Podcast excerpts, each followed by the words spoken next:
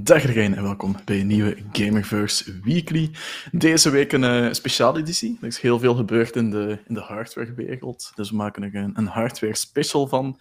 Dat kan ik niet alleen, daarvoor uh, ken ik er te weinig van. Maar ik heb uh, twee mensen mee die er alles van kennen. Nu zet ik al heel veel druk op jullie. Um, ook ja, twee, twee nieuwkomers bij bij de Gamerverse stream althans. Ik denk Pieter Jan. Pieter Jan kennen we al van Twitch, dus livestreamen is, uh, is niet onbekend. Is geen onbekend uh, terrein voor Pieter Jan.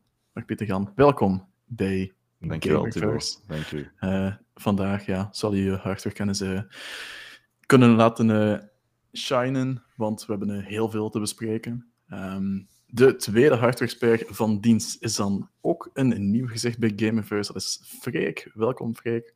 Dank u. Is het jouw eerste livestream ooit of heb je nog uh, gelivestreamd?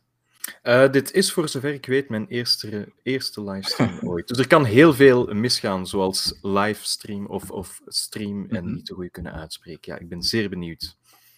Oké, okay, perfect. En dan een bekende gezicht ondertussen al, dat is Alain. Hallo. Allee, ben jij thuis in de, in de hardwarewereld? Well, ik ben misschien al een beetje een oud hardware aan het worden, maar zelf ben ik niet echt een mega-expert in... Uh, goed genoeg om een game-pc in elkaar te zetten, maar um, beyond mm. that, uh, ja, dan is Google mijn vriend. Uh. Ja, voilà. Maar wel een gezonde interesse in de hardwarewereld. Voilà, voilà. goed. Dat is alles dat er nodig is vandaag. Misschien voor we beginnen met de, de, echte topics, misschien nog eens kort kennis maken met, met Freek en Pieter Jan. Um, misschien beginnen met, met Pieter Jan. Pieter Jan, wat voor gamer ben jij precies? Wat zijn zo uw, uw interessepunten? Wat voor games spelen graag? Welke platformen? Um, mainly Xbox. Um, okay. Als multiplatform games kies ik meestal Xbox uit. Uh, ik ben een van die, van die zeldzame kerels, zeg maar, die Xbox boven PlayStation verkiezen. Althans, staat ook een PlayStation achter mij. Dus uh, ik speel eigenlijk op alles bijna. Uh, van PlayStation tot Xbox, tot Nintendo Switch, tot Gamecube tegenwoordig. Mm -hmm. dus van alles. Echt een heel grote variëteit aan games. Um, ja, alles aan mijn interesse ook maar raakt, wil ik wel uittesten. Dus veel keuze. Oké, okay, perfect. En qua, qua genre, qua games? Goh, echt van alles. Uh, vroeger heel veel uh, racing games. Uh, recent ook Flight Simulator terug. Ja. gaande tot oude retro games. ik plan binnenkort om Prince of Persia ook nog opnieuw te spelen. Dus er zijn heel veel, ja, heel veel games die mij wel interesseren. Oké, okay, perfect. Freek dan, wat voor, wat voor gamer ben jij precies? Wel, ik uh, volg Pieter Jan grotendeels. Ik denk dat er wel één uh, belangrijk verschil is. Ik ben uh, zelf afgeknapt op Xbox bij de vorige generatie consoles. Ja. ik heb nu een PlayStation 5 en ik game ook vaak op mijn PC. En PlayStation 5 is nu nog extra toegenomen sinds dat er een uitbreiding is geweest van PlayStation Plus abonnement, wat ik een absolute aanrader vind. Um, uh, ja, ik, ik uh, doe wat uh, van alles. Ik ben een grote Souls-like fanaat. ik kan die uitspelen en opnieuw en opnieuw en opnieuw. Um, alles wat enigszins met roguelike te maken heeft, vind ik ook zalig. En sinds kort ook simulatiegames. Dat zijn dan meestal van die relatief low-budget spelletjes. En dan schaam ik mij diep, maar kan ik mij er niet van weerhouden om ze toch telkens opnieuw terug op te starten. Dus dat is waar ik op dit moment mee bezig ben. Oké, top. Uh, ja, je gaat het nieuwe PlayStation Plus abonnement aan. Is, hoe sta je dan tegenover Game Pass? Is dat iets waar je een beetje jaloers naar kijkt? Of zeg je van, nou, PlayStation Plus is precies toch de, de betere dienst tegenwoordig? Momenteel wringt het niet, dus ik uh, bots daar op dit moment niet tegen. Um, ik vind het echt een grote meerwaarde, ook de maandelijkse games die er nu bij komen, zeker met uh, de hogere perks, hè, dus de premium mm -hmm. uh, en de... er is een essential en dan is er een derde die, die ik even vergeet. Zwat, die twee hogere, dat zijn, dat zijn ja, daar, daar is een heel groot aanbod. Ik ben daar bijzonder tevreden van op dit moment. En ik merk dat, er, dat ik heel wat games van vorige generaties ook terug uh, ontdek op die manier. Dus uh, nee, helemaal prima. Nog geen jaloezie, maar de avond is jong. Dus Pieter Jan, laat je gaan om mij uh, te overtuigen van het tegenovergestelde. Alright. Nee, op zich, er zitten nog wel wat de Xbox-fans binnen de redactie. Um, ikzelf en, en Davy ook wel. En ik denk Alain ook wel. Ja. Ja, voilà. Alright, goed. Ik, uh, ik ben ook enorm fan uh, van PlayStation Premium. Het enige jammer vind ik is dat geen backwards, dat, je, dat, je niet, dat je enkel kunt streamen PlayStation 3. En er zitten zo wel heel wat titels tussen die, die ik echt zie zitten. Maar um, mm -hmm. ja, het is enkel te streamen. Dat is, dat is echt wel jammer. Um, wie weet dat er ooit toch nog in de toekomst ja, een update voor komt of zo. Aangezien dat ze nu die, die service zo hebben. Um, daarvoor was, was het soms het excuus dat ze hebben het niet, om, omdat ze dan PlayStation Now nog kunnen verkopen. Uh, maar nu is die service veranderd, dus nu gaat er dan misschien wel veranderingen komen. Ik hoop dat. Ja. Oké, nee, we gaan straks nog uh, iets dieper ingaan op de, op de streamingdiensten. Uh, meer bepaald met dan de, de nieuwe hardware van, van Logitech die er aan zit komen. Die eigenlijk volledig inzet op die, op die cloud gaming diensten dan. Alright, goed. Uh, nu, beginnen gaan we eventjes doen bij, bij PlayStation. Um, want ja, je weet, je hebt momenteel twee edities van de PlayStation 5. Je hebt de editie zonder de disk drive en dan degene met de disk drive. Um, ik weet niet, heeft iedereen hier aan de virtuele tafel een, een PlayStation 5 kunnen bemachtigen? Ja? Peter gaat niet? Nee, nee, nog altijd niet. Ze staan op de lijst, maar uh, ja, vanaf dat die terug beschikbaar komen in de winkels, waarschijnlijk wel uiteindelijk. Oké, okay. en maakt het voor jou uit welke versie je koopt? Of zeg je van de eerste kans die ik krijg, met of zonder, maakt niet uit. De eerste kans grijp ik. Want zo zijn er Ja, ik zou persoonlijk, uh, persoonlijk gaan voor een disk drive. Um, ik, ik, speel vooral ook uh, effectief fysieke kopies omdat ik het ook leuk vind om, om ze te verzamelen. Dus ik heb heel de kasten vol met, uh, met games. Dus voor mij is echt de fysieke disk drive echt nog wel uh, een mm. must om, uh, om een console te kopen. Ja, oké. Okay. Nu, de versie zonder disk drive is wel een honderdtal euro goedkoper, dat wel. Um, dus dat is voor veel mensen een reden geweest om toch voor die te gaan. Um, nu, als je zegt van ja, ik heb via via wat games fysiek gekregen. Ja, jammer dat ik ze niet kan spelen. Dan zou het wel handig zijn dat er een, een verwijderbare disk drive was die je gewoon kon aansluiten op je, op je systeem. Um, die dingen bestaan. Je hebt gewoon removable Blu-ray-spelers en zo, maar die kan je niet gebruiken op je, op je PlayStation momenteel. Nu, volgens Tom Henderson uh, van uh, Insider Gamer wordt verwacht dat er in september 2023 een, een nieuwe versie van de PlayStation 5 zal verschijnen.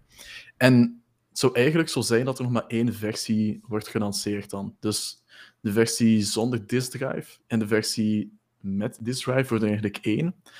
En het verschil is dan dat er een extra USB-poort komt. En op die extra USB-poort kan je dan een verwijder, verwijderbare disk drive gaan, gaan aansluiten. Um, dus het is een beetje analoog aan wat um, Xbox, of ja, wat Microsoft ook had gedaan bij de Xbox 360. Toen hadden ze een HD-DVD disk drive gelanceerd. Ik weet niet of jullie uh, daarvan op de hoogte zijn, of misschien zelf eentje in, in huis hadden. Of... Alain? Ja, ik heb nog eentje gehad. Je hebt die gehad, nogthans ja. waren heel dure dingen ook. Hè? Ja, op het einde hebben ze nogthans wel naar, de, naar uw kop gegooid. Zelf via ja, op het einde was dat echt gewoon, ik denk, 50. 30 euro of zo. Ja. Dat was echt gewoon geen geld niet meer. Dus, uh... Nee, voilà. Het was eigenlijk begonnen aan, aan 200. En dan ja, hebben ze gezegd van ja, HD, DVD gaat nooit winnen van Blu-ray. Dus ja. toen werden ze praktisch gratis. Um, maar wat, heeft nooit echt uh, kunnen doorbreken. Maar PlayStation gaat dus een beetje hetzelfde doen. Um, wat denken jullie? Is dat een, een ja, is het beter middel van de flexibiliteit? Gaat het ervoor zorgen dat de PlayStation 5 beter leverbaar is, omdat er nog maar één versie moet worden gemaakt? Um, wat zijn uh, jullie meningen? Misschien beginnen met Freek. Goh, het is niet de eerste maal in de geschiedenis, zoals je zelf zegt, dat er een, uh, een gameconsole uitkomt uh, waar dat er een removable CD-DVD-speler is. Ik denk dat we zelfs terug kunnen gaan tot de jaren 90 en dat er daar al voorbeelden van zijn.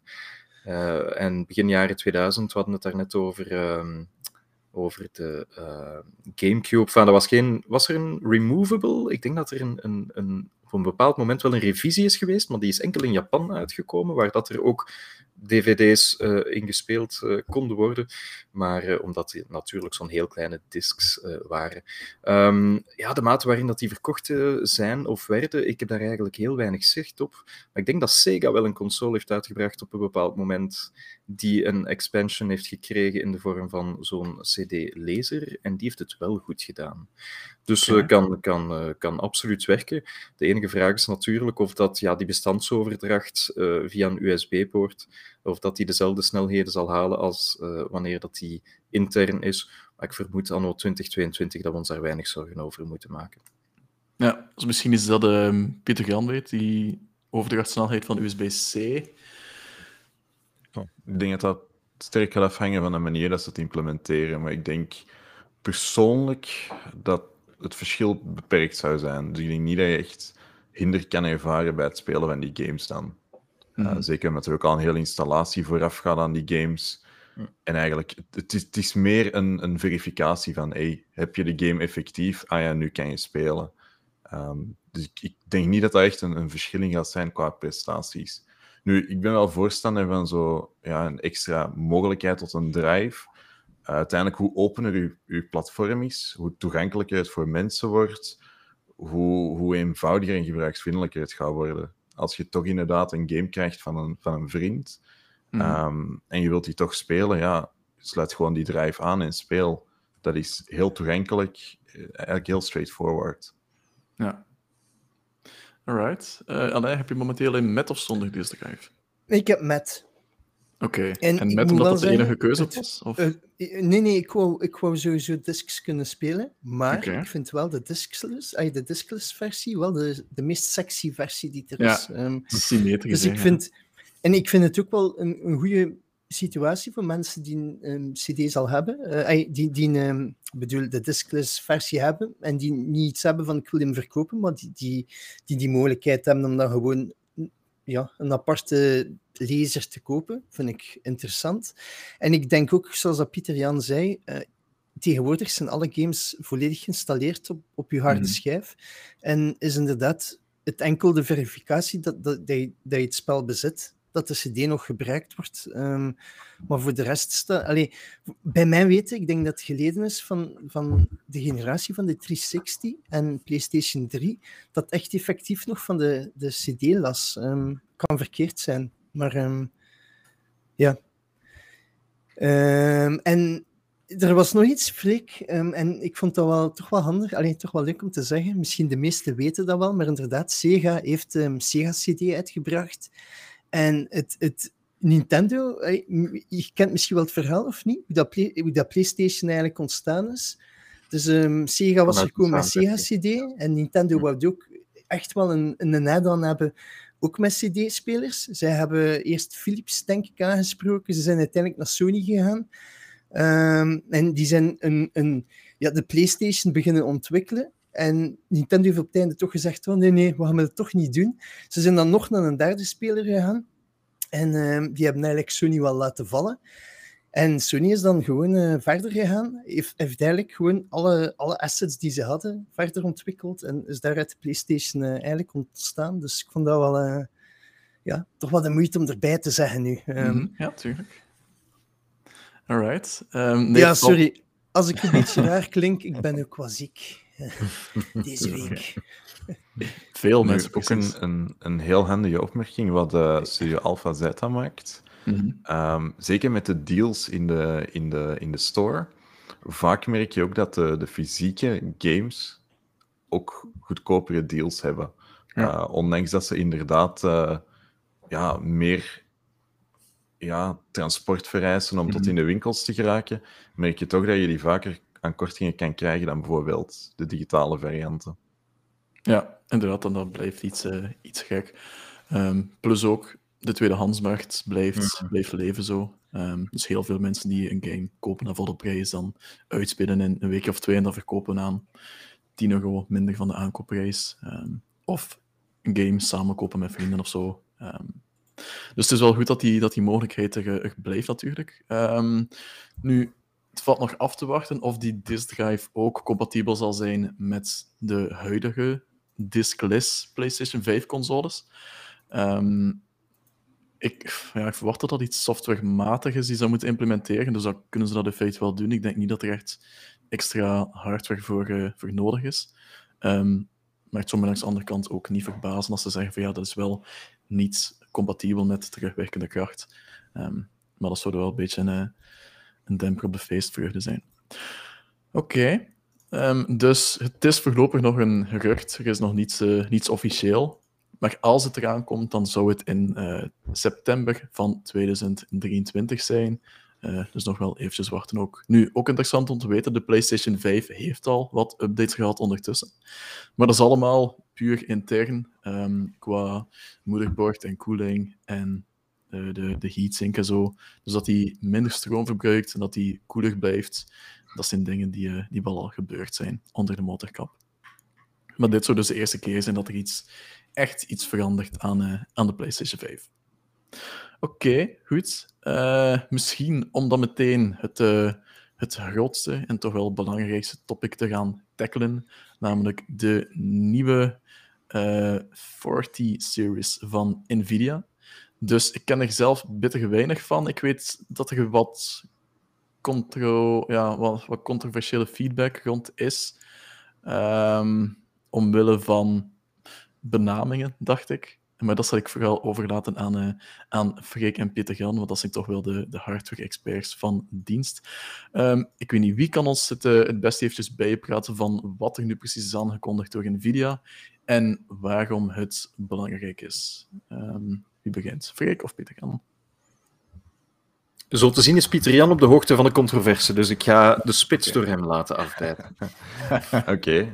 um, nee, dus zoals we weten is inderdaad de nieuwe 40-serie aangekondigd van mm -hmm. uh, NVIDIA RTX. Uh, dus de 4090, uh, zoals we reeds uh, gelezen hebben, komt uit in oktober aan een vrij hoge prijs. 1959 euro, zoals zelf op de NVIDIA-website staat. In november maakt dan de 4080 uh, de opvolging. Um, daar komen twee versies van, om het allemaal wat moeilijker te maken. Enerzijds de 16 gigabyte versie, anderzijds de 12 gigabyte versie. Allebei vanaf november, aan ook vrij hoge bedragen, 1469 en 1099. Um, dus heel sterke bedragen ten opzichte van de vorige uh, 30-serie, die eigenlijk lanceerde met 3080 staat er ongeveer rond de 700 euro als uh, MSRP-prijs. Nu, daar hebben ze zelden voor zien staan, uh, met heel de crypto-mining natuurlijk. Ja.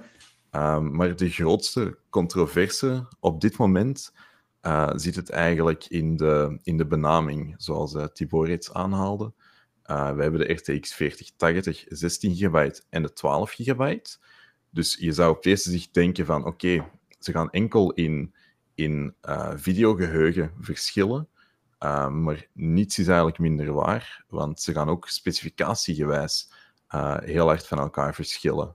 Hmm. Um, NVIDIA werkt met CUDA-cores um, als zeg maar rekenkernen. de 16 gigabyte versie heeft er 9728, om exact te zijn. staat hier ook te lezen op de website van NVIDIA. De 12 gigabyte zit dan met een aantal dat stukken lager ligt. Uh, 7680. Dat is meer dan 2000 van die, ja, zeg maar, cores minder. Um, dus dat kan wel een serieus prestatieverschil gaan geven. Nu kunnen we nog niet echt uitspraken over doen.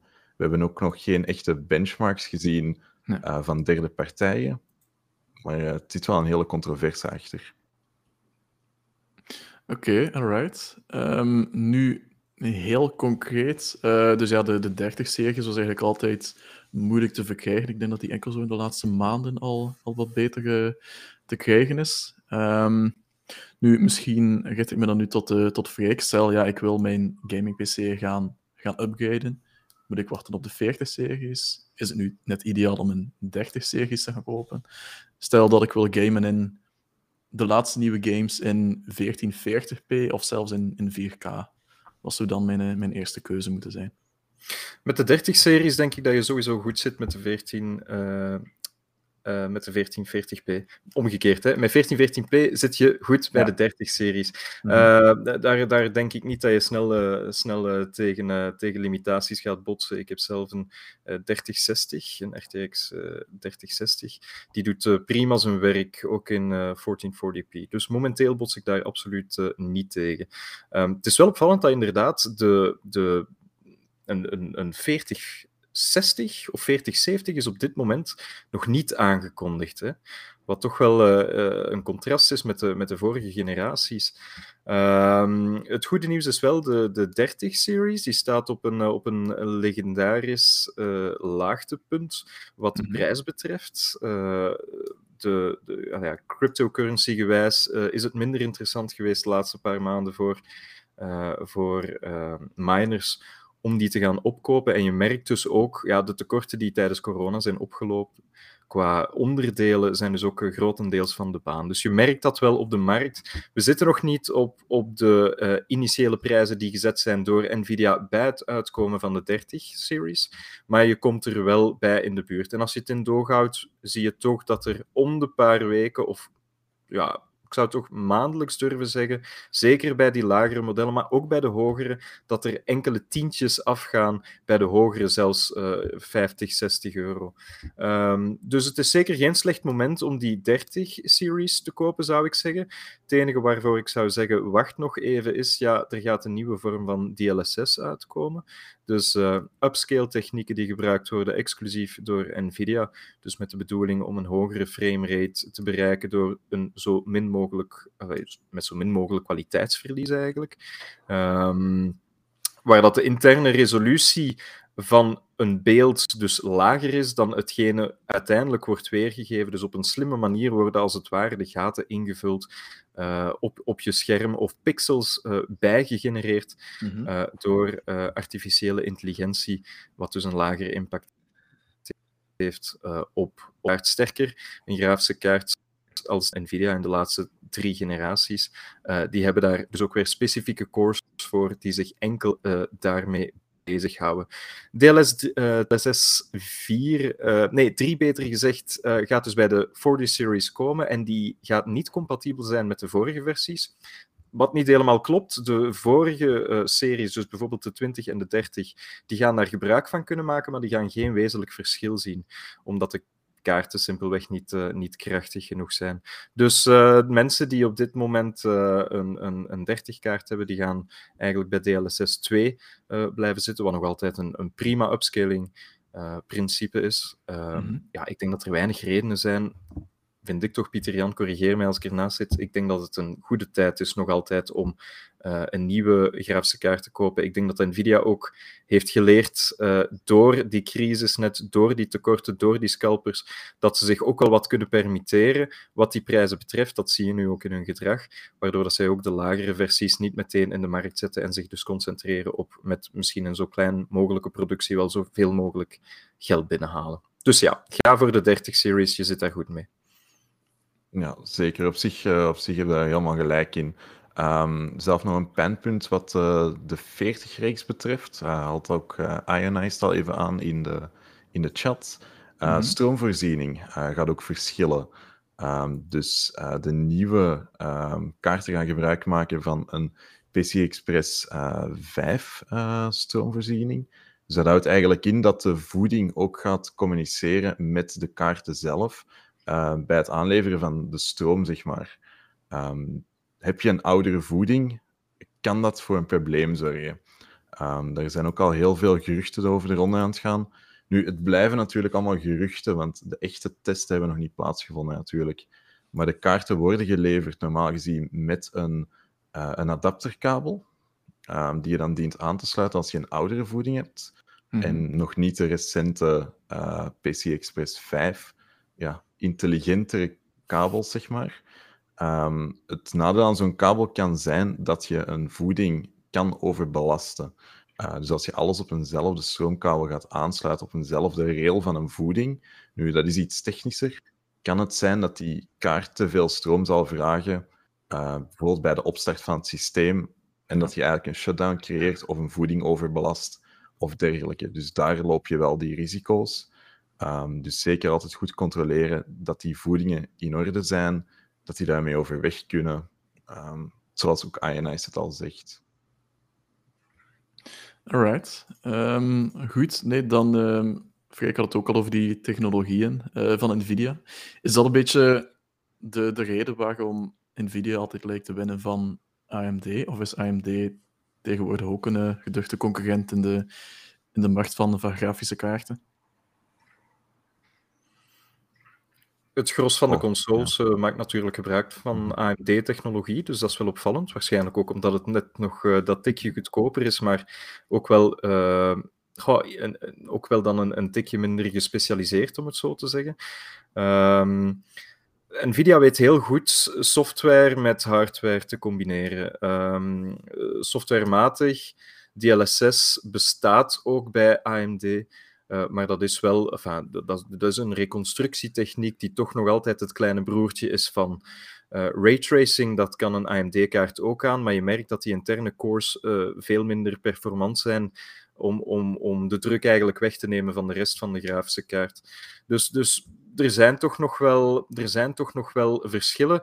Nvidia is ook veel meer protectionistisch ten aanzien van het software-gerelateerde gedeelte. Zij gaan bijvoorbeeld veel minder zaken open source maken. Dat is wel een cultuur die bij AMD al meerdere jaren leeft. Uh, kijk naar bijvoorbeeld de uh, verversingssnelheid, de technologieën voor monitoren. Al jarenlang maakt AMD er een punt van om dat soort technologieën de wereld in te sturen. En dan kan je die gewoon, vaak kan eender, eender welke manufacturer die, die integreren in monitoren. dat doet Nvidia niet. Hè. Zij zijn heel restrictief met hun, met hun technologie. AMD bekijk ik wel een stukje vaak als ruwe power, maar dan de technologie erachter of puur het softwarematige erachter, dat dat toch nog een tikkeltje achterop hangt. Ja, nu op zich, de laatste jaren zijn ze wel sterk vooruit gegaan. Uh, ik herinner mij zeker de, de, de R9-serie, uh, de 200 kaarten bijvoorbeeld destijds.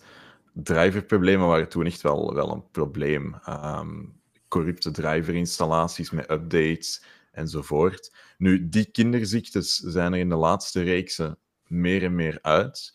Dus ook, ook softwarematig zijn ze wel serieuze stappen aan het zetten. Dus ik ben eigenlijk wel benieuwd uh, waar ze nog mee gaan komen. Want het gerucht is dat ze ook in, in november uh, ook met nieuw, uh, een nieuwe generatie kaarten komen, of toch met serieus nieuws. Um, dus ja, mocht je de tijd hebben om nog niet te willen upgraden naar de RTX 40-reeks, wacht dan misschien nog even het nieuws af van, van AMD. Kan ook nog wel verrassend worden, misschien. Oké.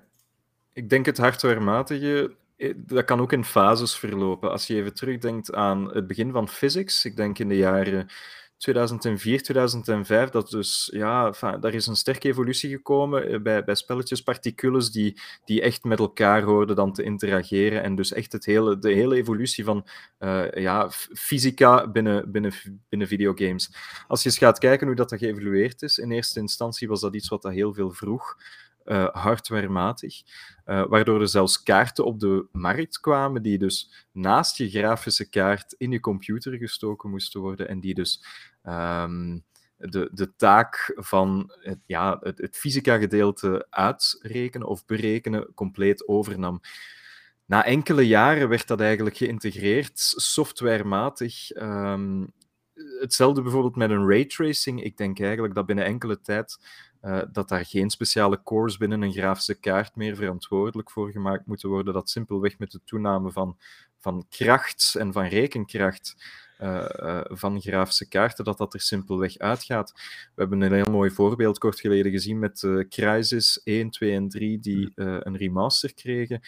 Crytek heeft softwarematige raytracing die op een degelijke manier werkt. Dus het is een kwestie van tijd, denk ik, ook voor als we tegen dat softwarematige botsen bij, bij AMD, die soms al eens achterop durft hinkelen, maar inderdaad, Pieter Jan, zoals je zegt, ze, hè, met rassenschreden gaan ze er wel op vooruit.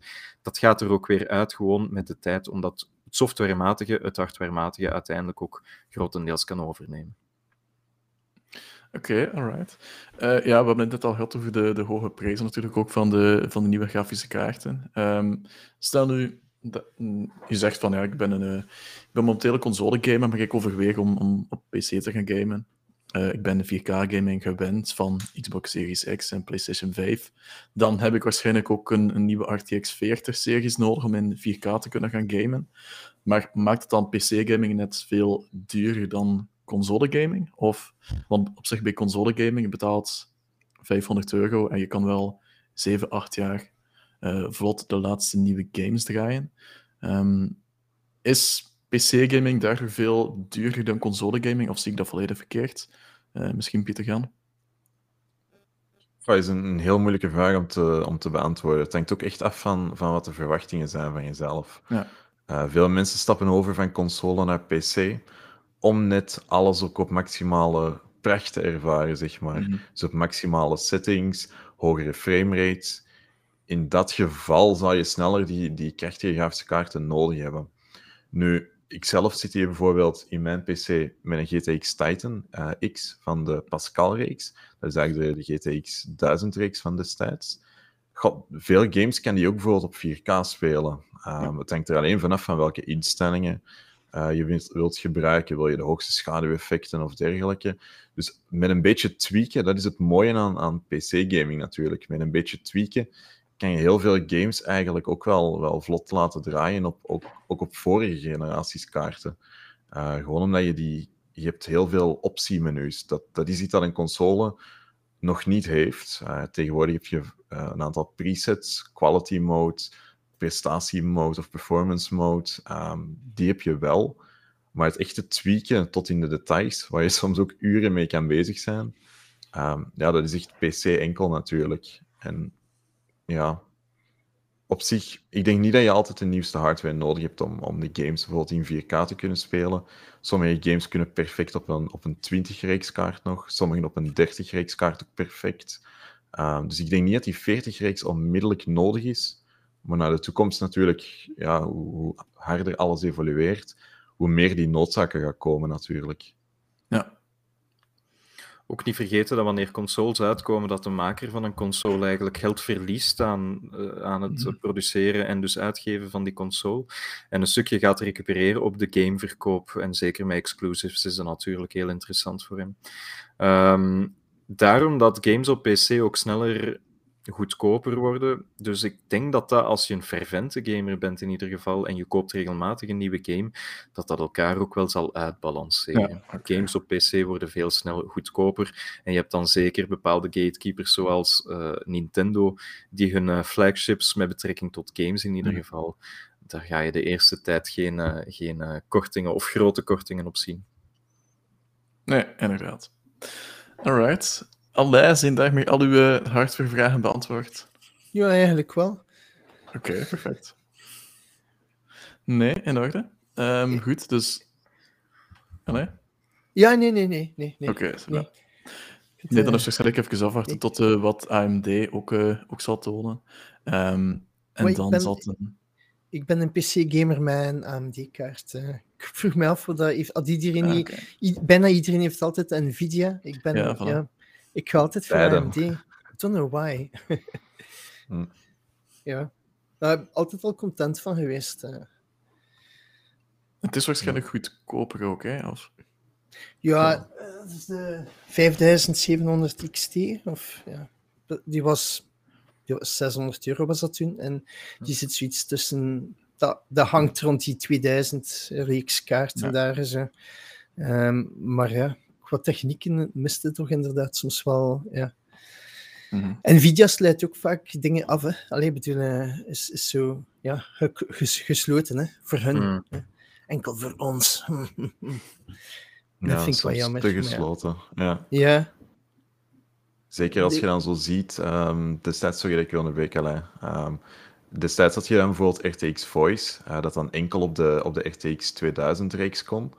Um, en dan bleek dat met een aantal tweaks je eigenlijk die installatie correct kon uitvoeren op een, op een GTX-reeks nog. En dat dat ook gewoon werkte. Dus soms sluiten ze te veel af. Mm -hmm. Met physics was dat ook zo. Ja. Mm. Ja.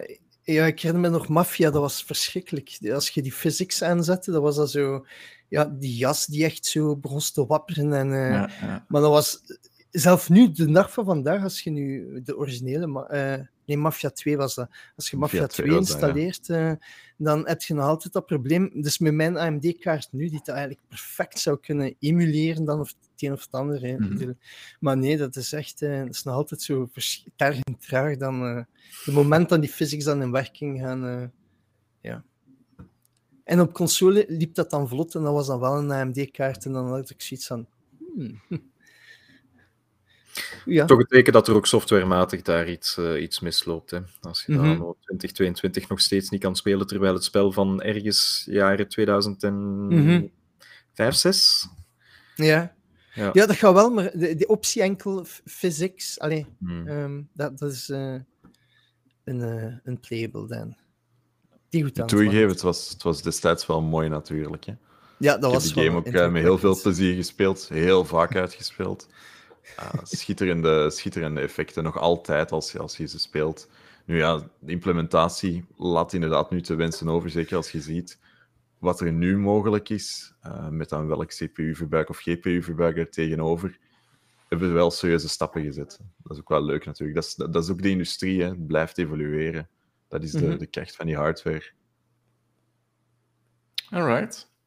Oké, uh, dus we zitten ook met de twee andere Twitch-streamers in ons midden. Uh, dus voor Freek is het uh, de eerste keer. Hopelijk bevalt het. Bij, ehm, voor Pieter Jan en Alain, die zijn regelmatig op, op Twitch te vinden.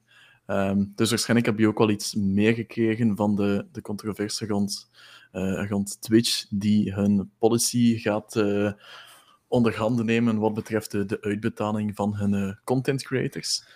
Um, namelijk, ze gaan hen minder gaan belonen. Nu, Twitch komt sowieso al de laatste tijd af en toe wel eens slecht in de media. Um, want we hadden het, uh, ja, dat was ik zelf niet volledig van op de hoogte, maar je had iets met een, een soort van gokschandaal. Ik denk dat Pieter Jan daar wel iets van weet. Of... Ja, dus je had inderdaad um, het, het gambling aspect op, op Twitch. Uh, heel veel mensen die aan het streamen waren, dat ze inderdaad effectief echt geld inzetten enzovoort. Ja. Um, die categorie is ondertussen um, door Twitch eigenlijk geblokkeerd of ge, geband, zeg maar. Um, dus die is eigenlijk verboden geworden. Nu, daar is heel veel commentaar op gekomen natuurlijk van de streamers mm -hmm. uh, die zich daar vooral in bezig hielden. Nu, ja, op zich vind ik het wel een positieve stap naar het platform toe om, om dergelijke zaken minder te promoten. Natuurlijk, er zijn andere categorieën die dan nog wel toegelaten worden. Dat is de hele discussie. Um, je hebt destijds in de zomer had je de, de hot tub streamers. Ja, um, die in bikini konden gaan streamen. Um, mm. Die mochten dan wel, uh, nu gaan ze gambling dan verbieden. Die dan wel praktisch volledig gekleed dat gaan doen. Uh, dus het is natuurlijk wel een heel, een heel idee van waarom die wel bannen en de anderen niet. Uh, maar ik denk dat Twitch ergens een lijn moet trekken, maar dat ze niet helemaal weten waar ze die lijn moeten trekken, ja. naar mijn gevoel. Nee, voilà, dat is inderdaad een beetje het hele ding. Twitch is eigenlijk gegroeid als een platform die de creators altijd eerst zet. Um, maar de laatste tijd is dat totaal niet meer duidelijk. Dus de Twitch creators vragen ook al lang om te gaan naar een 70-30 verhouding, waarbij dus de creator 70% van de, van de inkomsten krijgt en Twitch dan 30%. Terwijl Twitch eigenlijk op een 50-50 um, schema zit dat is anders dan bij YouTube, waar ze bijvoorbeeld wel op, op 70-30 zitten. Um, op Facebook dan de ook.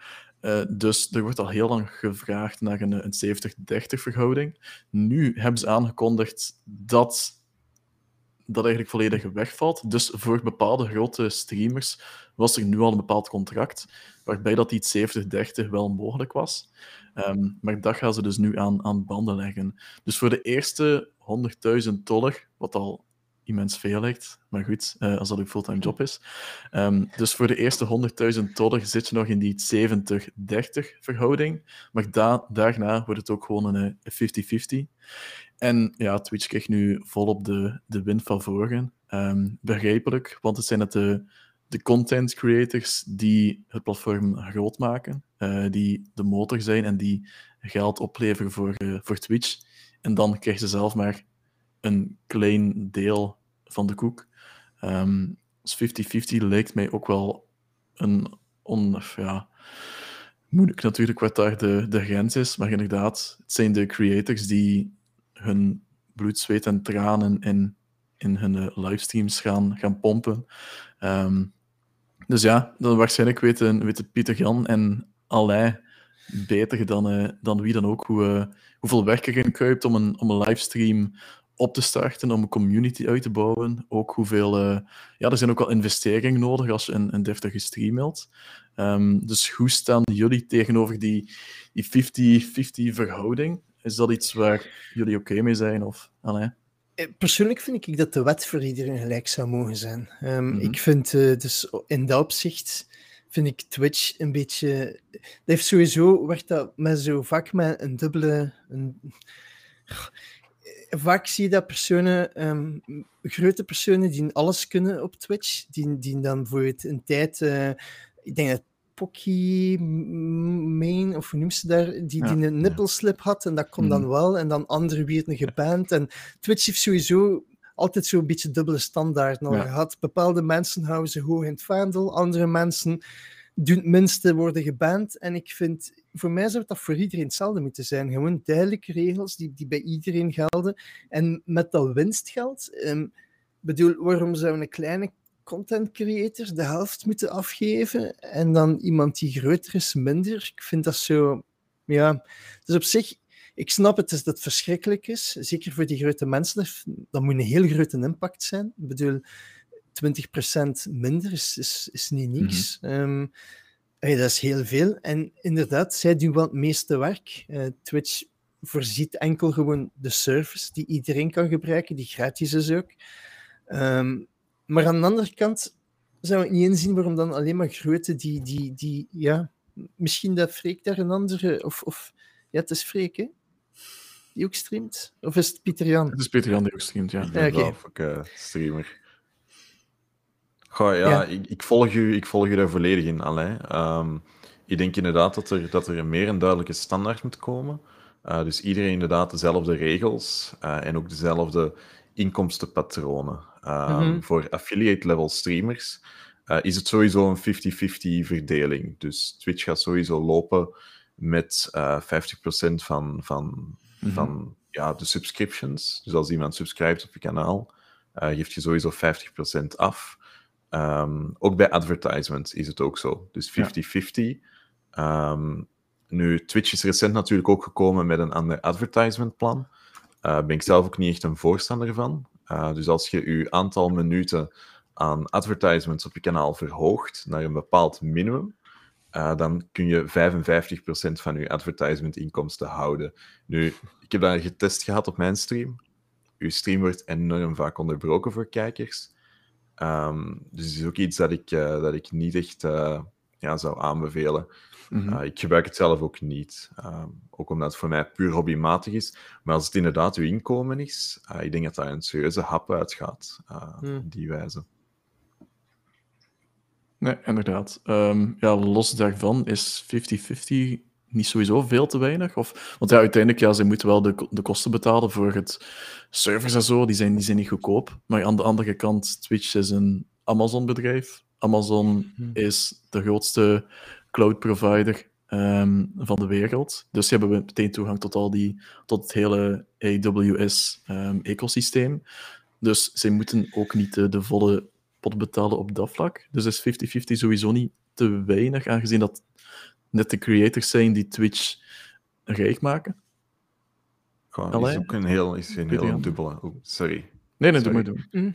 Um, nee, is een heel een dubbele standaard natuurlijk. Want um, ze hebben ook bekendgemaakt hoeveel het ongeveer kost voor uh, een streamer die, die bijvoorbeeld uh, hond, een paar honderden uren per maand streamt als ja. fulltime job, zeg maar.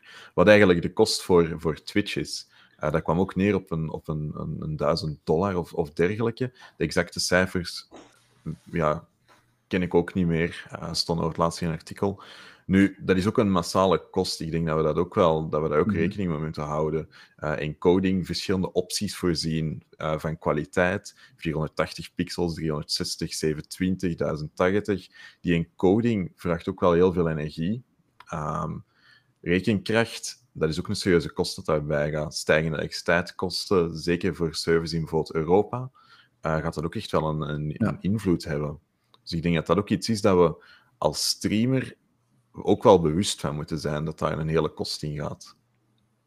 Oké, ja, nu had het ook over die encoding. Maar los daarvan, dus als je uh, affiliate bent, dan geef je al 50% af. Maar je krijgt niet eens die encoding, of toch niet gegarandeerd. Je komt gewoon bovenaan op de, yeah. op de wachtrij te staan. Dus dan heb je soms die encoding, soms niet. Um... Hm. En dat is bizar, want ik had die hele lange periode had ik die altijd. Was altijd beschikbaar. Mm -hmm. En de laatste, ik denk, afgelopen twee maanden heb ik ze twee maanden dat, dat constant niet werkte. En dan nu, ja. nu terug weer wel. Maar dat hangt er vanaf hoeveel trafiek dat dat moment ook mm -hmm. bezig is um, op, op, uh, op Twitch en zo.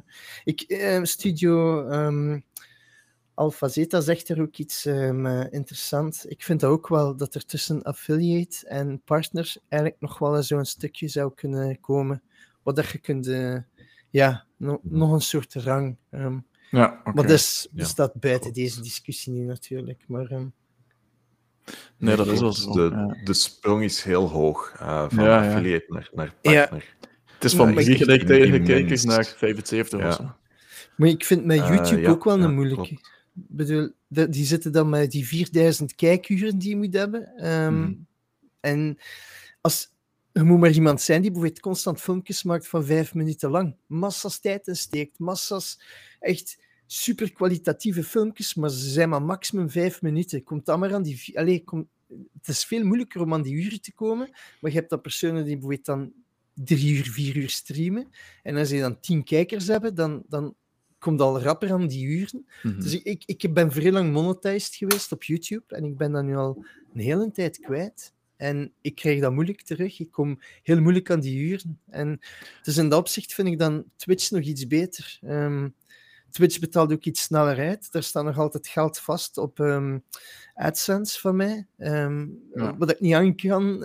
AdSense is nu ook gesloten omdat ik dat heel lang niet actief had. En en er zit een bug in de site, dus ik kan het ook niet veranderen. Ik heb nu hulp gevraagd, ik krijg die ook niet. Um, het, is, het is bizar. Dus ik vind op dat vlak dan Twitch nog iets beter. Um, qua, qua, ja, um, hetgeen dat ze providen. Um, mm-hmm. Aangezien dat YouTube nu ook niet de kleinste is. Dus ik nee, weet het niet. Ik vind het een moeilijke 50-50. Is dat veel? Is dat niet veel? Aan de andere kant is het gemakkelijk. Hè? Je moet niks doen. Je, je, je, opent een account, je start, je streamt. Je kunt daar veel geld in steken, maar je moet dat ook niet doen. Hè? Je hebt mensen die gewoon in een huiskamer zitten streamen. Uh, mm-hmm. Die was te koken en, en dat filmen. Ja. Dan krijgt... Allee, er kan veel tijd in krijpen, maar ook niet. Hè? Uh, geen afbreuk aan mensen die uh, cooking channels doen of zo. Dus iedereen zijn nee, dingen. Nee.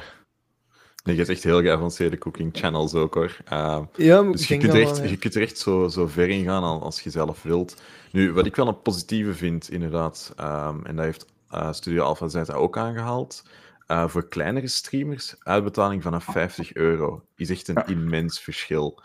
die 100 euro om daarnaar te, toe te gaan voor die eerste uitbetaling was, was gigantisch. zeker als beginnende wel, ja. streamer. Die 50 euro is ook echt wel wel leuk van, oké, okay, ik ben op de goede weg, uh, kom maar zitten verder op het platform.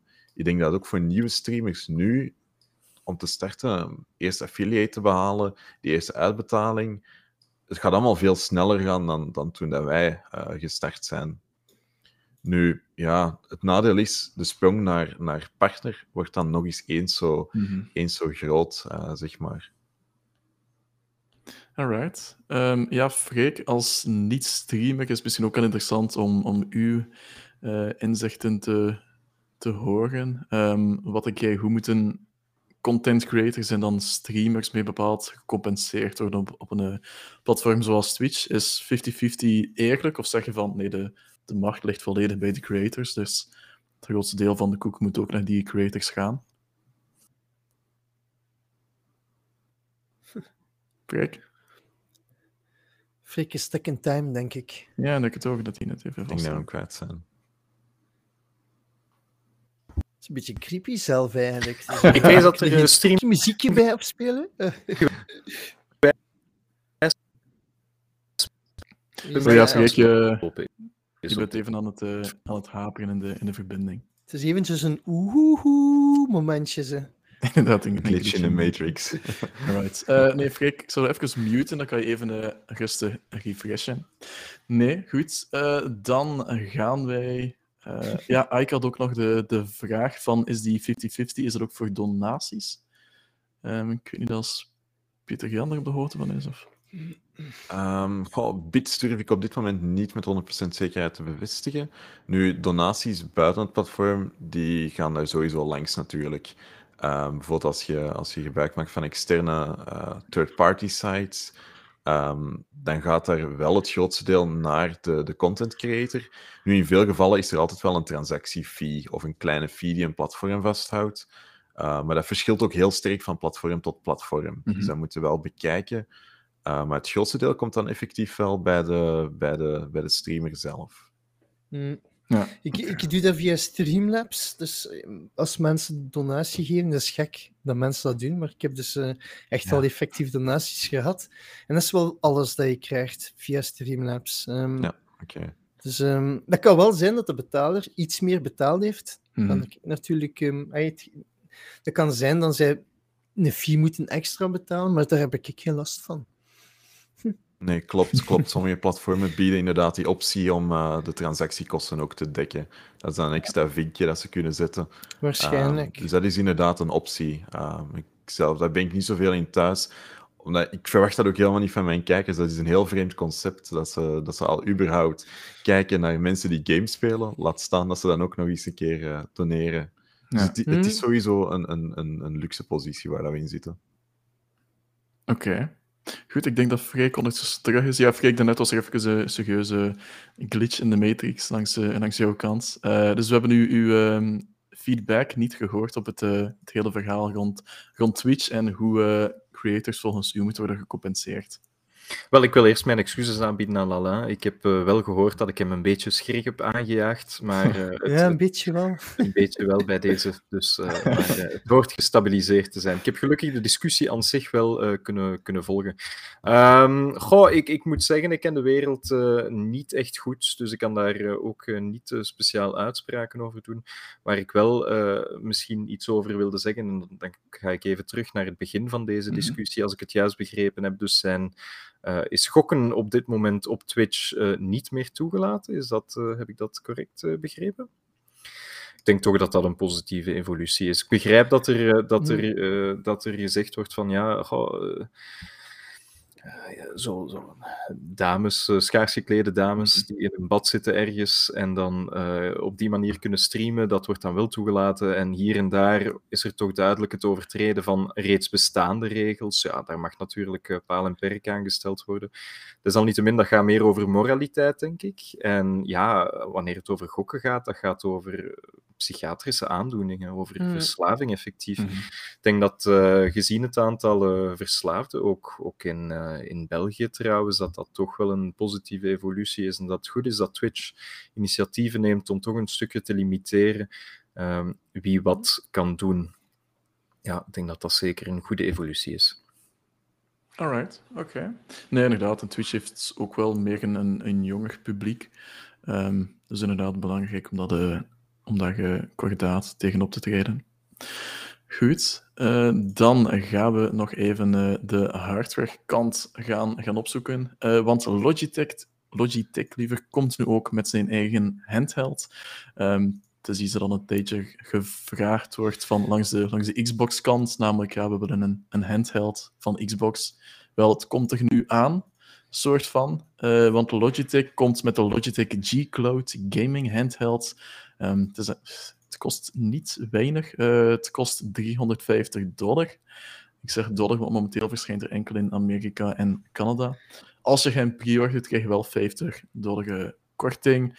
Dus dan komt die aan een, een 300 dollar. Um, en het is een handheld die draait op Android. Dus je kan Android games gaan, gaan spelen via de Google Play Store. Maar het is eigenlijk echt gebouwd voor cloud gaming. En dan meer bepaald voor uh, Xbox Cloud Gaming, maar ook uh, de Nvidia GeForce Now Cloud Gaming. Um, dus dat zijn eigenlijk twee dingen die dan voorgeïnstalleerd komen op het apparaat. Ook samen met uh, YouTube, Chrome en Steam Link.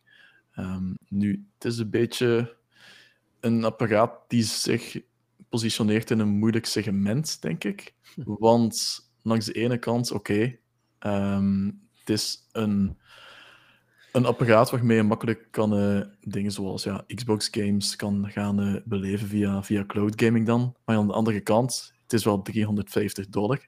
De hardware binnenin is nu ook niet heel high-end. Het is een, eh, een Snapdragon 720G, 4 GB RAM en 64 GB storage. Lijkt mij heel veel geld voor die hardware. Zeker aangezien je hetzelfde kan doen met gewoon een controller op je smartphone. Dingen zoals de, de Razer Kishi, waarbij je gewoon je smartphone erin kan klikken. Je hebt eigenlijk, een, je hebt eigenlijk hetzelfde concept dan. Um, of recent uh, de Backbone One, die nu ook in, in PlayStation-versies verschenen. Die, die kosten allemaal minder dan de 100 euro. Dus het lijkt mij... Ik ben heel benieuwd hoe het zal verkopen, maar ik, heb er, um, nou, ik ben er zelf een beetje sceptisch over. Um, ik, ja, ik weet, Freek is dan voornamelijk... Wat was het Freek die Xbox uh, deed? Nee, ik ben er zelf aan de wacht. Het was Pieter Jan, Alright. Nee, Pieter Jan, zit je erop te wachten om, om handheld games, of ja, om Xbox games te gaan streamen op een dedicated handheld? Of zeg je van, mijn smartphone uh, exact hetzelfde? Well, nu, om, om toe te geven, ik heb wel gebruik gemaakt van de, de console stream optie uh, in huis. Ja. Dat je bijvoorbeeld wel van je console heel gemakkelijk je game en dashboard mm -hmm. kan streamen uh, naar de Xbox app dan. en dan eventueel met een controller op de, op de ja, gewoon op de telefoon kan, kan spelen. Heb ik heel vaak gebruikt, zeker als de tv bijvoorbeeld in gebruik is of, of, of bij andere zaken. Als ik ergens bijvoorbeeld in bed lig of, of mijn vriendin is ergens iets aan het lezen, om dan toch bij elkaar te zitten, is dat wel iets dat ik, dat ik gebruikte. Nu, om daar echt een dedicated setup van te hebben, um, gaat mij net een, een beetje te boven. Ja. ik vind het een vrij duur toestel op het eerste zicht, inderdaad, wat jij ook zei. Uh, voor eigenlijk een, een marktsegment waar dat nog niet echt bewezen is of dat daar zo'n grote vraag naar is.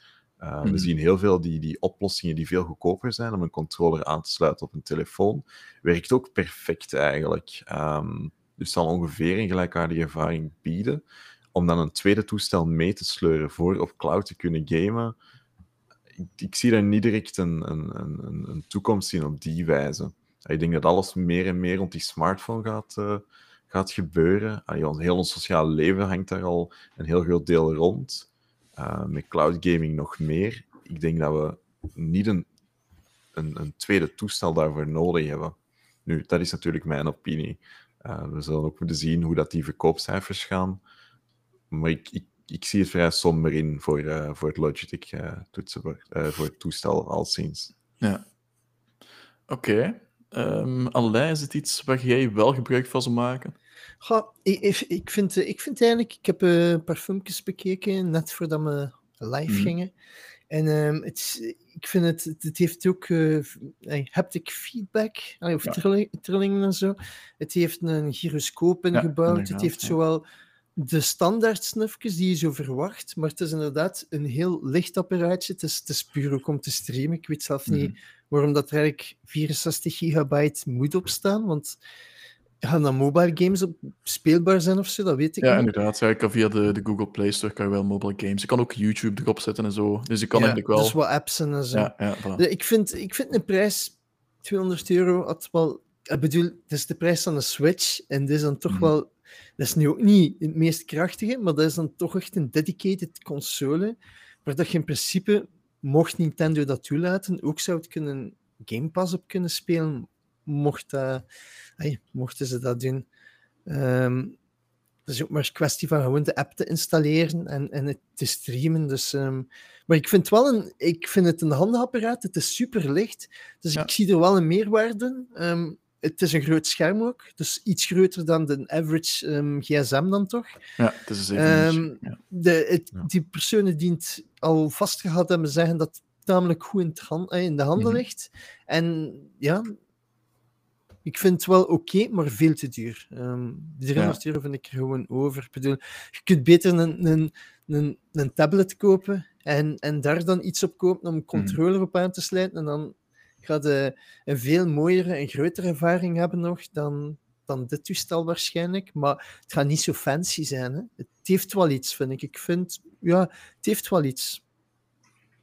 Het heeft, Iets wel te iets, duur. ja, omdat het... Het heeft een, Ja, het die- heeft een mooi prijskaartje gekregen. Ja, maar design, design gewijs is het, ah, het ziet er ook een heel, een heel deftig toestel uit. Dat, ja, ik dat vind het zeker. wel. Ja. Toen ook een beetje denken aan, aan Steam Deck, eh, qua, qua Mhm. layout wel een beetje. Maar dan iets fijner dan weer, kleiner, compacter. Maar was, was de Ehm. goedkoopste Steam Deck versie? Rond de 500 euro? 420 Vier- dollar, denk Ja. ik. Dus, dus voor gewoon 70 een- dollar minder. ja. Ja, dat is gek, hè? Dat is niet. Dat, dat brengt niet op hem om dat de ijs te Mhm. halen dan, hè? Allee. Ik denk inderdaad, het is, het is vechten tegen de bierkaai. En anno 2022 is de meest limiterende factor van eh, ja, cloud gaming toch nog steeds de latency. En dat Mhm. is en blijft de grootste Achillespees van het, eh, van het concept. Wat natuurlijk een heel goed concept is, een heel interessant concept, maar toch de belangrijkste limiterende factor.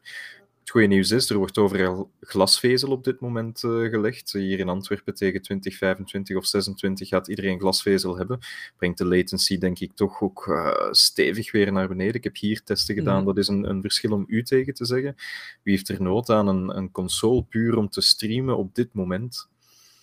Ik denk dat het wat vroeg is en ik zie inderdaad, zoals Alain heel goed eh, opmerkt, als je voor 70 dollar of 80 dollar meer een Steam Deck hebt, eh, zie ik weinig redenen waarom dat je per se een machine zou kopen of een computer zou kopen die zich specifiek zou kunnen bezighouden hiermee.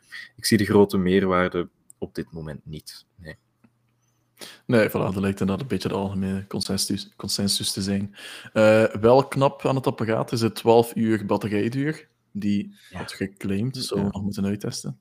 Ehm, dus dat is wel, wel een voordeel. Ehm, wel enkel wifi-verbinding, dus je kan niet zeggen van ik ga via mobiele data gaan, gaan streamen.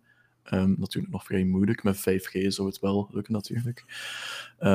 Maar inderdaad, die, die latency, die, die input delay, dat blijft wel een, een probleem. Ja, ik heb het zelf ook al een paar keer geprobeerd om games te gaan spelen via, via Xbox Cloud Gaming. Een strategische game, ehm, iets zoals iets, iets turn-based of zo, kan perfect. Maar als je een shooter wil gaan spelen of, een race game, dan eh knal je meteen tegen een boom. Of, eh, dit is, het is heel moeilijk te, te spelen momenteel, dus daar moet er nog een veel, eh veel vooruitgang komen dan. Ik heb ook een probleem met de artifacts die je vaak ziet. Mhm. Ehm, allee, Ja. zo de... Er- Ja, inderdaad. bij Xbox is dat telkens zo'n volledig gordijn dat bij mij erover Mhm. rolt. Dus, dat is ehm, degoutant. Ja, dat heb ik ook inderdaad. Ehm, Ja, dan merk je zelf bij, bij het streamen eh, van een console naar een telefoon mhm. eh, in huis. eh, merk Mm. ik dat zelf op mijn eigen netwerk. Eh, nu, ik heb heel goede access points, dus op zich daar ligt het niet aan. Eh, maar die artefacting is echt iets dat bijna niet te vermijden is. Dat komt sowieso voor tijdens een sessie. Mij haalt het volledig uit die sessie, om eerlijk te zijn. Nee, voilà, Ja. dat klopt. Ja, nochtans, er zijn partijen die het wel goed kunnen. Hè. Eh, Mhm. Bijvoorbeeld als we kijken naar streaming-technologie zelf, Parsec, ik weet niet of jullie daarmee bekend zijn. Dat voor mij altijd heel goed gewerkt. Ehm, tijdens, de, ja, tijdens COVID deed Ubisoft ook bijvoorbeeld preview-events via Parsec. Dus in plaats van dat, dat we toen normaal gaan we dat Watch Dogs gaan spelen in Londen, maar toen was het van oké, we gaan via Parsec, ga je de game spelen op een van onze computers die, die hier staat. Werkte perfect. Ehm, Stadia heb ik ook een, een drietal maanden eigenlijk dagelijks gebruikt. Werkte ook altijd perfect. Ehm, maar ja, Xbox blijft, blijft moeilijk daar. Ehm, PlayStation heb ik nog niet echt geprobeerd. Ah, Wel, ik ging dat net zeggen. Ik vind, en dat is het gekke, want PlayStation Now heb ik in, echt drie jaar geleden ook al geprobeerd. En Mhm. die service werkt bij mij iets beter dan, dan de Xbox-service zelf. En ik Oké. dacht dat nogthans PlayStation nu met de servers van Xbox werkte, of, of van plan was. Maar het gekke is, ik heb onlangs nog een keer geprobeerd op PlayStation. En bij mij thuis is dat beter speelbaar. Heb ik minder dat gordijn dat passeert en zo. Heel raar. Artifacts heb ik sowieso, hè. zo wat blokjes aan onder of zo. Mhm. Maar ehm, ja, voor de rest eh, vind ik dat iets, iets smoother. Misschien dan niet in lagere resoluties of zo Mhm. ehm, werken. Ik, ik weet het niet. Nochtans, als je 4K-films kunt streamen, moet het toch ergens mogelijk zijn ook met, met een spel. Hè? Denk, ey, denk ik dan. het is toch ook maar beeld gewoon dat doorgezonden wordt. Film, films is wel een andere refresh rate natuurlijk. Hè. Vaak, ja, ja, dat is wel waar. Ja. 24 Ja. of 30 of Ja, dat is 48 waar. Hmm. eh, Mhm. frames of hertz. Ja, ehm, dat is wel een verschil natuurlijk ten opzichte van 60. Ja, ja, plus films Hmm. moeten niet reageren op elke beweging die maakt natuurlijk. Eh, Nee, maar in principe maakt dat niet uit voor het beeld dat op de kabel zit. Hè? Of dat dat nu onverwachts is, of als die film nu zo gefilmd is, alleen met Mhm. een camera. In principe blijft dat hetzelfde, dus dat maakt het verschil niet uit. Maar inderdaad, die frames, dat is wel, dat is wel een groot verschil. Ja, lijkt me toch raar dat, dat, eh, dat het nu moeilijk zou zijn om in 1080p of 1440p met de gemiddelde connectie 60 frames per seconde op een degelijke manier. Van je gaat, je we zitten nog niet in het lossless eh, tijdperk, dat is zo. Maar inderdaad, de artefacting, eh, de compressiemethodieken zijn soms toch wel heel agressief. En Mhm. ik, eh, ik Mhm. begrijp ook niet zo goed eh, waarom dat nodig zou zijn. Nu, als je het hebt over PlayStation 3 games, ik bedoel, stuur, stuur een 720p beeld. eh, er is een output van 720p, dus enfin, je, je gaat daar ook waarschijnlijk inderdaad op die manier niet zoveel van merken. En het Mhm. gros van de games op die generaties is ook maar 30 frames per seconde. Hè. Dat zijn er inderdaad geen 60.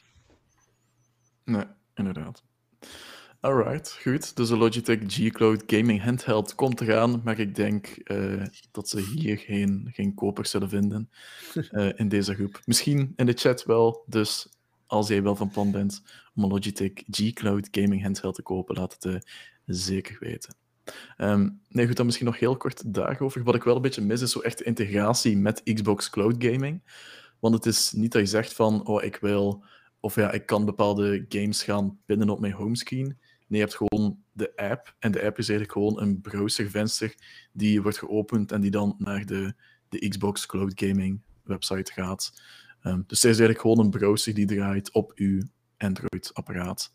En dus dat is voor mij ook een beetje jammer. Als er echt een naadloze integratie was met uw achievements, met uw eh, friends, met alles, eh, met uw media, dan was het wel nog cool geweest. Maar nu is het gewoon een veel te duur apparaat om gewoon een browser te starten en daar ehm, ehm, Xbox games te gaan streamen. Alright, eh, in orde. Dan ben ik benieuwd eh, naar wat jullie aan het spelen zijn, of wat jullie gaan spelen. Ehm, ik ga als Alain als laatst nemen, dan maar. Want dat kan soms eh, over eh, Monkey Island kan hij niet zwijgen. Dus eh, we gaan misschien beginnen met, met Freek. Freek, heb jij veel gegamed de laatste tijd? Of ben je van plan om bepaalde games te gaan oppikken? Ja, ik, eh, ik ben dusdanig gebruik aan het maken van, eh, van de eh, bredere gamecollectie van de PlayStation Mhm. Plus abonnement. Ehm, ik ben op dit moment vooral twee games aan het spelen. Elex, die toch al ettelijke jaren oud is, denk 2017 uitgekomen. Een action RPG van Piranha Bytes, denk ik dat ze heten. Zijn, als ik het juist heb, ook de mensen die onder andere Gothic gemaakt hebben. Zijn, is, is een Duitse developer. Ehm, ja, janky tot en met, naar goede gewoonte, maar een universum dat wel ongeveer de moeite waard is. Ze vallen zo altijd een stukje tussen twee stoelen, maar dat is, dat is de... Dat is de enfin, dat, dat dragen ze al altijd met zich mee. Daarnaast de Graveyard, Keep- eh, Graveyard Keeper, die ik wel heel eh, grindy vind. En daar bots ik soms wat tegen, maar tegelijkertijd is het wel een, een fijn concept. En ik heb nu net Shipbreaker gekocht, zodat ik ja, mij weer eens kan losgaan of laten Ja. losgaan met een simulatiespel waar ik daarna van denk, wat heb ik in godsnaam mijn tijd aan verloren. Voilà. Alright, nee, goed, interessant. Eh, Pieter Jan, waar ben je mee bezig? Oh, ik heb eh, de, recent heel vaak eh, Sea of Thieves gespeeld. Eh, met een hele crew. Ehm, dat was altijd wel heel leuk. Grappige momenten meegemaakt. Ik bedoel, vier man een schip laten besturen. Dat loopt niet altijd goed. Dus dat is altijd wel een heel avontuur op zich. met de nodige frustraties. Ehm, maar hey, we hebben nog een vriendengroep die aan één hangt. Dus dat is, dat is ook oké. Ehm, verder eh, heb ik op de Switch eh, Just Die Already gespeeld. Hij is eigenlijk een eh, boomer simulator. Ehm, moet je eigenlijk eh, ontsnappen uit een, eh, een rusthuis, zeg maar, en de wereld onveilig maken.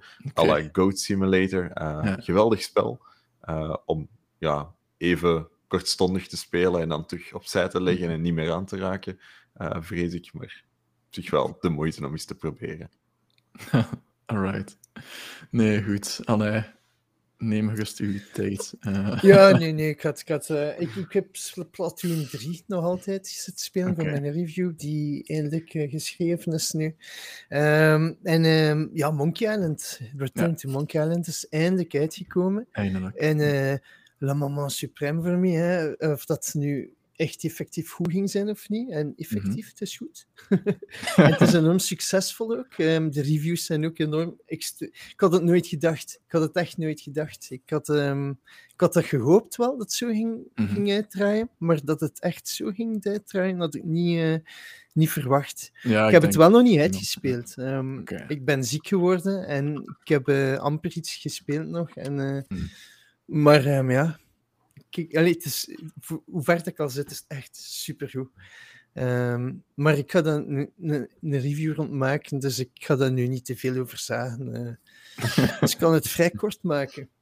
Alright, en, en klikt de artstyle al beter dan ja, gedacht? Uh, maar, ja, enorm. echt, okay, ja. ik, uh, nee, eerlijk, ik dacht, dus ik was super hyped. Hè? En ik had gehoopt dat het goed ging zijn, maar ergens dacht ik van, dat gaat nooit lukken, dat gaat Mhm. mm -hmm. tegenvallen. En het, uh, het heeft echt mijn verwachtingen zelf voorbijgestoken. Dus zo goed is het echt wel. Ik was bang dat mensen, nieuwe, nieuwe fans, bijvoorbeeld jij Thibaut, hè, of Freek, of ja, ja. misschien Pieter Jan, misschien hebben jullie dat wel al gespeeld, maar ik dacht dat gaat moeilijk zijn om in te komen, maar nee, totaal niet. En het gekke is, er is zo in de opties, en, en dat, dat wordt nergens niet uitgelegd, dat noemt gewoon um, um, Writer's Cut. En, Mhm. mm -hmm. Maar Writer's Cut, effectief, dat is dus extra dialogen, hè? maar dat zijn dan referenties naar de eerste games. En er zijn ook personages die erin zitten, die je dan gewoon niet ziet. Dus dat, standaard zie je die niet. Dus je moet die Writer's Cut aanzetten en dan pas zie je dus extra figuren, maar die zijn niet echt relevant tot het hoofdverhaal.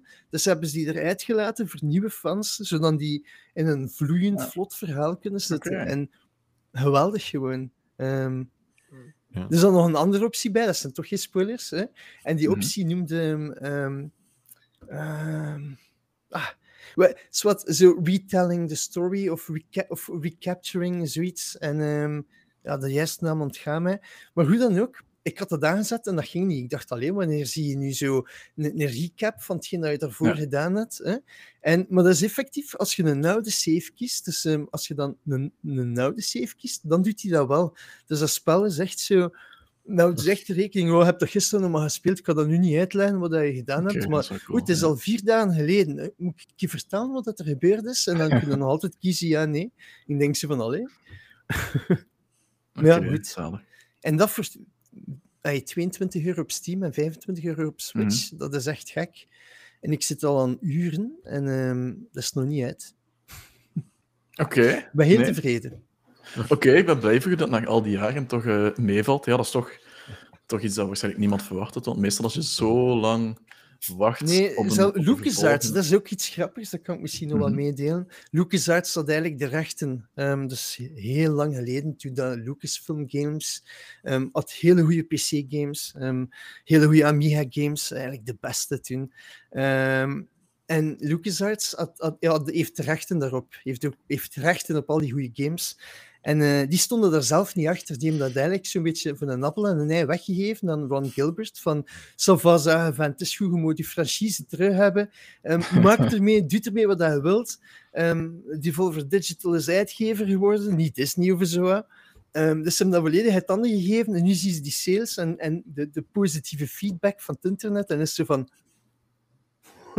what have we done? En nu hebben ze iets van uh, er zijn al sprake van andere games, dus Maniac Mansion gaat misschien ook terugkomen. Daar Mhm. teest uh, Ron Gilbert al even mee. Dat is ook een, een, dat is een klassieker. Um, maar dat is voor een andere keer. Oké, perfect. Nee, goed, ik merk dat je gelukkig bent met Monkey Island, dus uh, ik ben blij voor u. Alright, ja. uh, ah, ik heb vraag nog wat ik heb gespeeld. Weinig. Ik heb uh, een paar dagen in, in Venetië gezeten, dat was ook niet slecht. Uh, en voor de rest heb ik wat Trifox gespeeld op mijn Steam Deck. Uh, dus Trifox is een, een, Belgische game die binnenkort verschijnt. Dus dat is ook zeker eentje om uh, in het oor te houden. Maar die staat nog uh, onder embargo. Dus daar kan ik niets over zeggen. Ik vergeet niet te rijden, nee. Nee, maar hij vergeet altijd je eigen, hè? Ja, ik vergeet altijd mijn eigen. Dat zo. Ja, ik ben... Ja, zo, ja. Ik Een geef graag, echte gastheer denkt ja. altijd aan de rest, maar eh, nooit aan zichzelf. voilà. Nee, maar deze had ik ook echt niet veel gespeeld. Dus op zich. Alright, nee, ik mag ook niet vergeten te rijden, want dat vergeet ik ook altijd. Ehm, ik denk dat we zometeen eens op bezoek gaan bij Yves, want die is Trombone Champ aan het spelen. Dat is ook eentje die op mijn lijst staat sinds een paar uur geleden, denk ik. Toen ik hoorde van Ike dat die blijkbaar eh, dat die game echt wel een, een hit aan het worden is. Ehm, ik heb zelf niet echt een idee wat de, wat de opzet is. Eh, hebben jullie al een vreeg misschien? Of? Eh, ja, het is, het is eigenlijk eh, enfin, een heel simpele opzet. Ehm, je speelt dus een tromboonespeler die ehm, zo goed mogelijk moet spelen, uiteraard. En ehm, eh, je zou het eigenlijk kunnen vergelijken met Guitar Hero. Dus je Ja. hebt eh, segmenten die naar je cursor toekomen en je moet op het juiste moment dus klikken en op de juiste hoogte ook klikken om een juist geluid eh, te produceren. Maar dus een, een, een race aan klassieke muziek eh, passeert de revue. En ja, uiteraard loopt dat, loopt dat valikant mis. Hè. Ik denk dat is het soort spel waar ik binnen de kortste keren eh, gierend van het lachen van mijn computer zou moeten wegstrompelen. Dus eh, niet, eh, ja, enfin, omdat het zo vals is, uiteraard. Het ziet er heel fijn uit, maar ik denk ook wel, tussen ons gezegd en gezwegen, doet dat 20 minuten en de fun is er ook wel stilletjes aan af. Ja, denk ik, ik hè, want het is een heel simpel concept. Mhm. Dus, ja. Maar zeker even grappig, ja. Alright, nee, goed. Dan gaan we eens kijken bij, eh, bij Yves hoe die game precies eh, speelt in de praktijk. Ehm alright, goed. Bedankt, Freek. Bedankt, Anne. Bedankt, Pieter-Jan, om aan te sluiten, om jullie eh hardwarekennis met ons te delen. Bedankt iedereen voor het kijken. We zijn volgende week terug met een nieuwe Gamerverse Weekly. Dus je kan ons altijd vinden daar op Twitch en op YouTube. Je kan ons ook vinden op TikTok, daar zijn we Gamerverse BE en uiteraard op Twitter ook. Alright, goed. Bedankt iedereen en tot de volgende.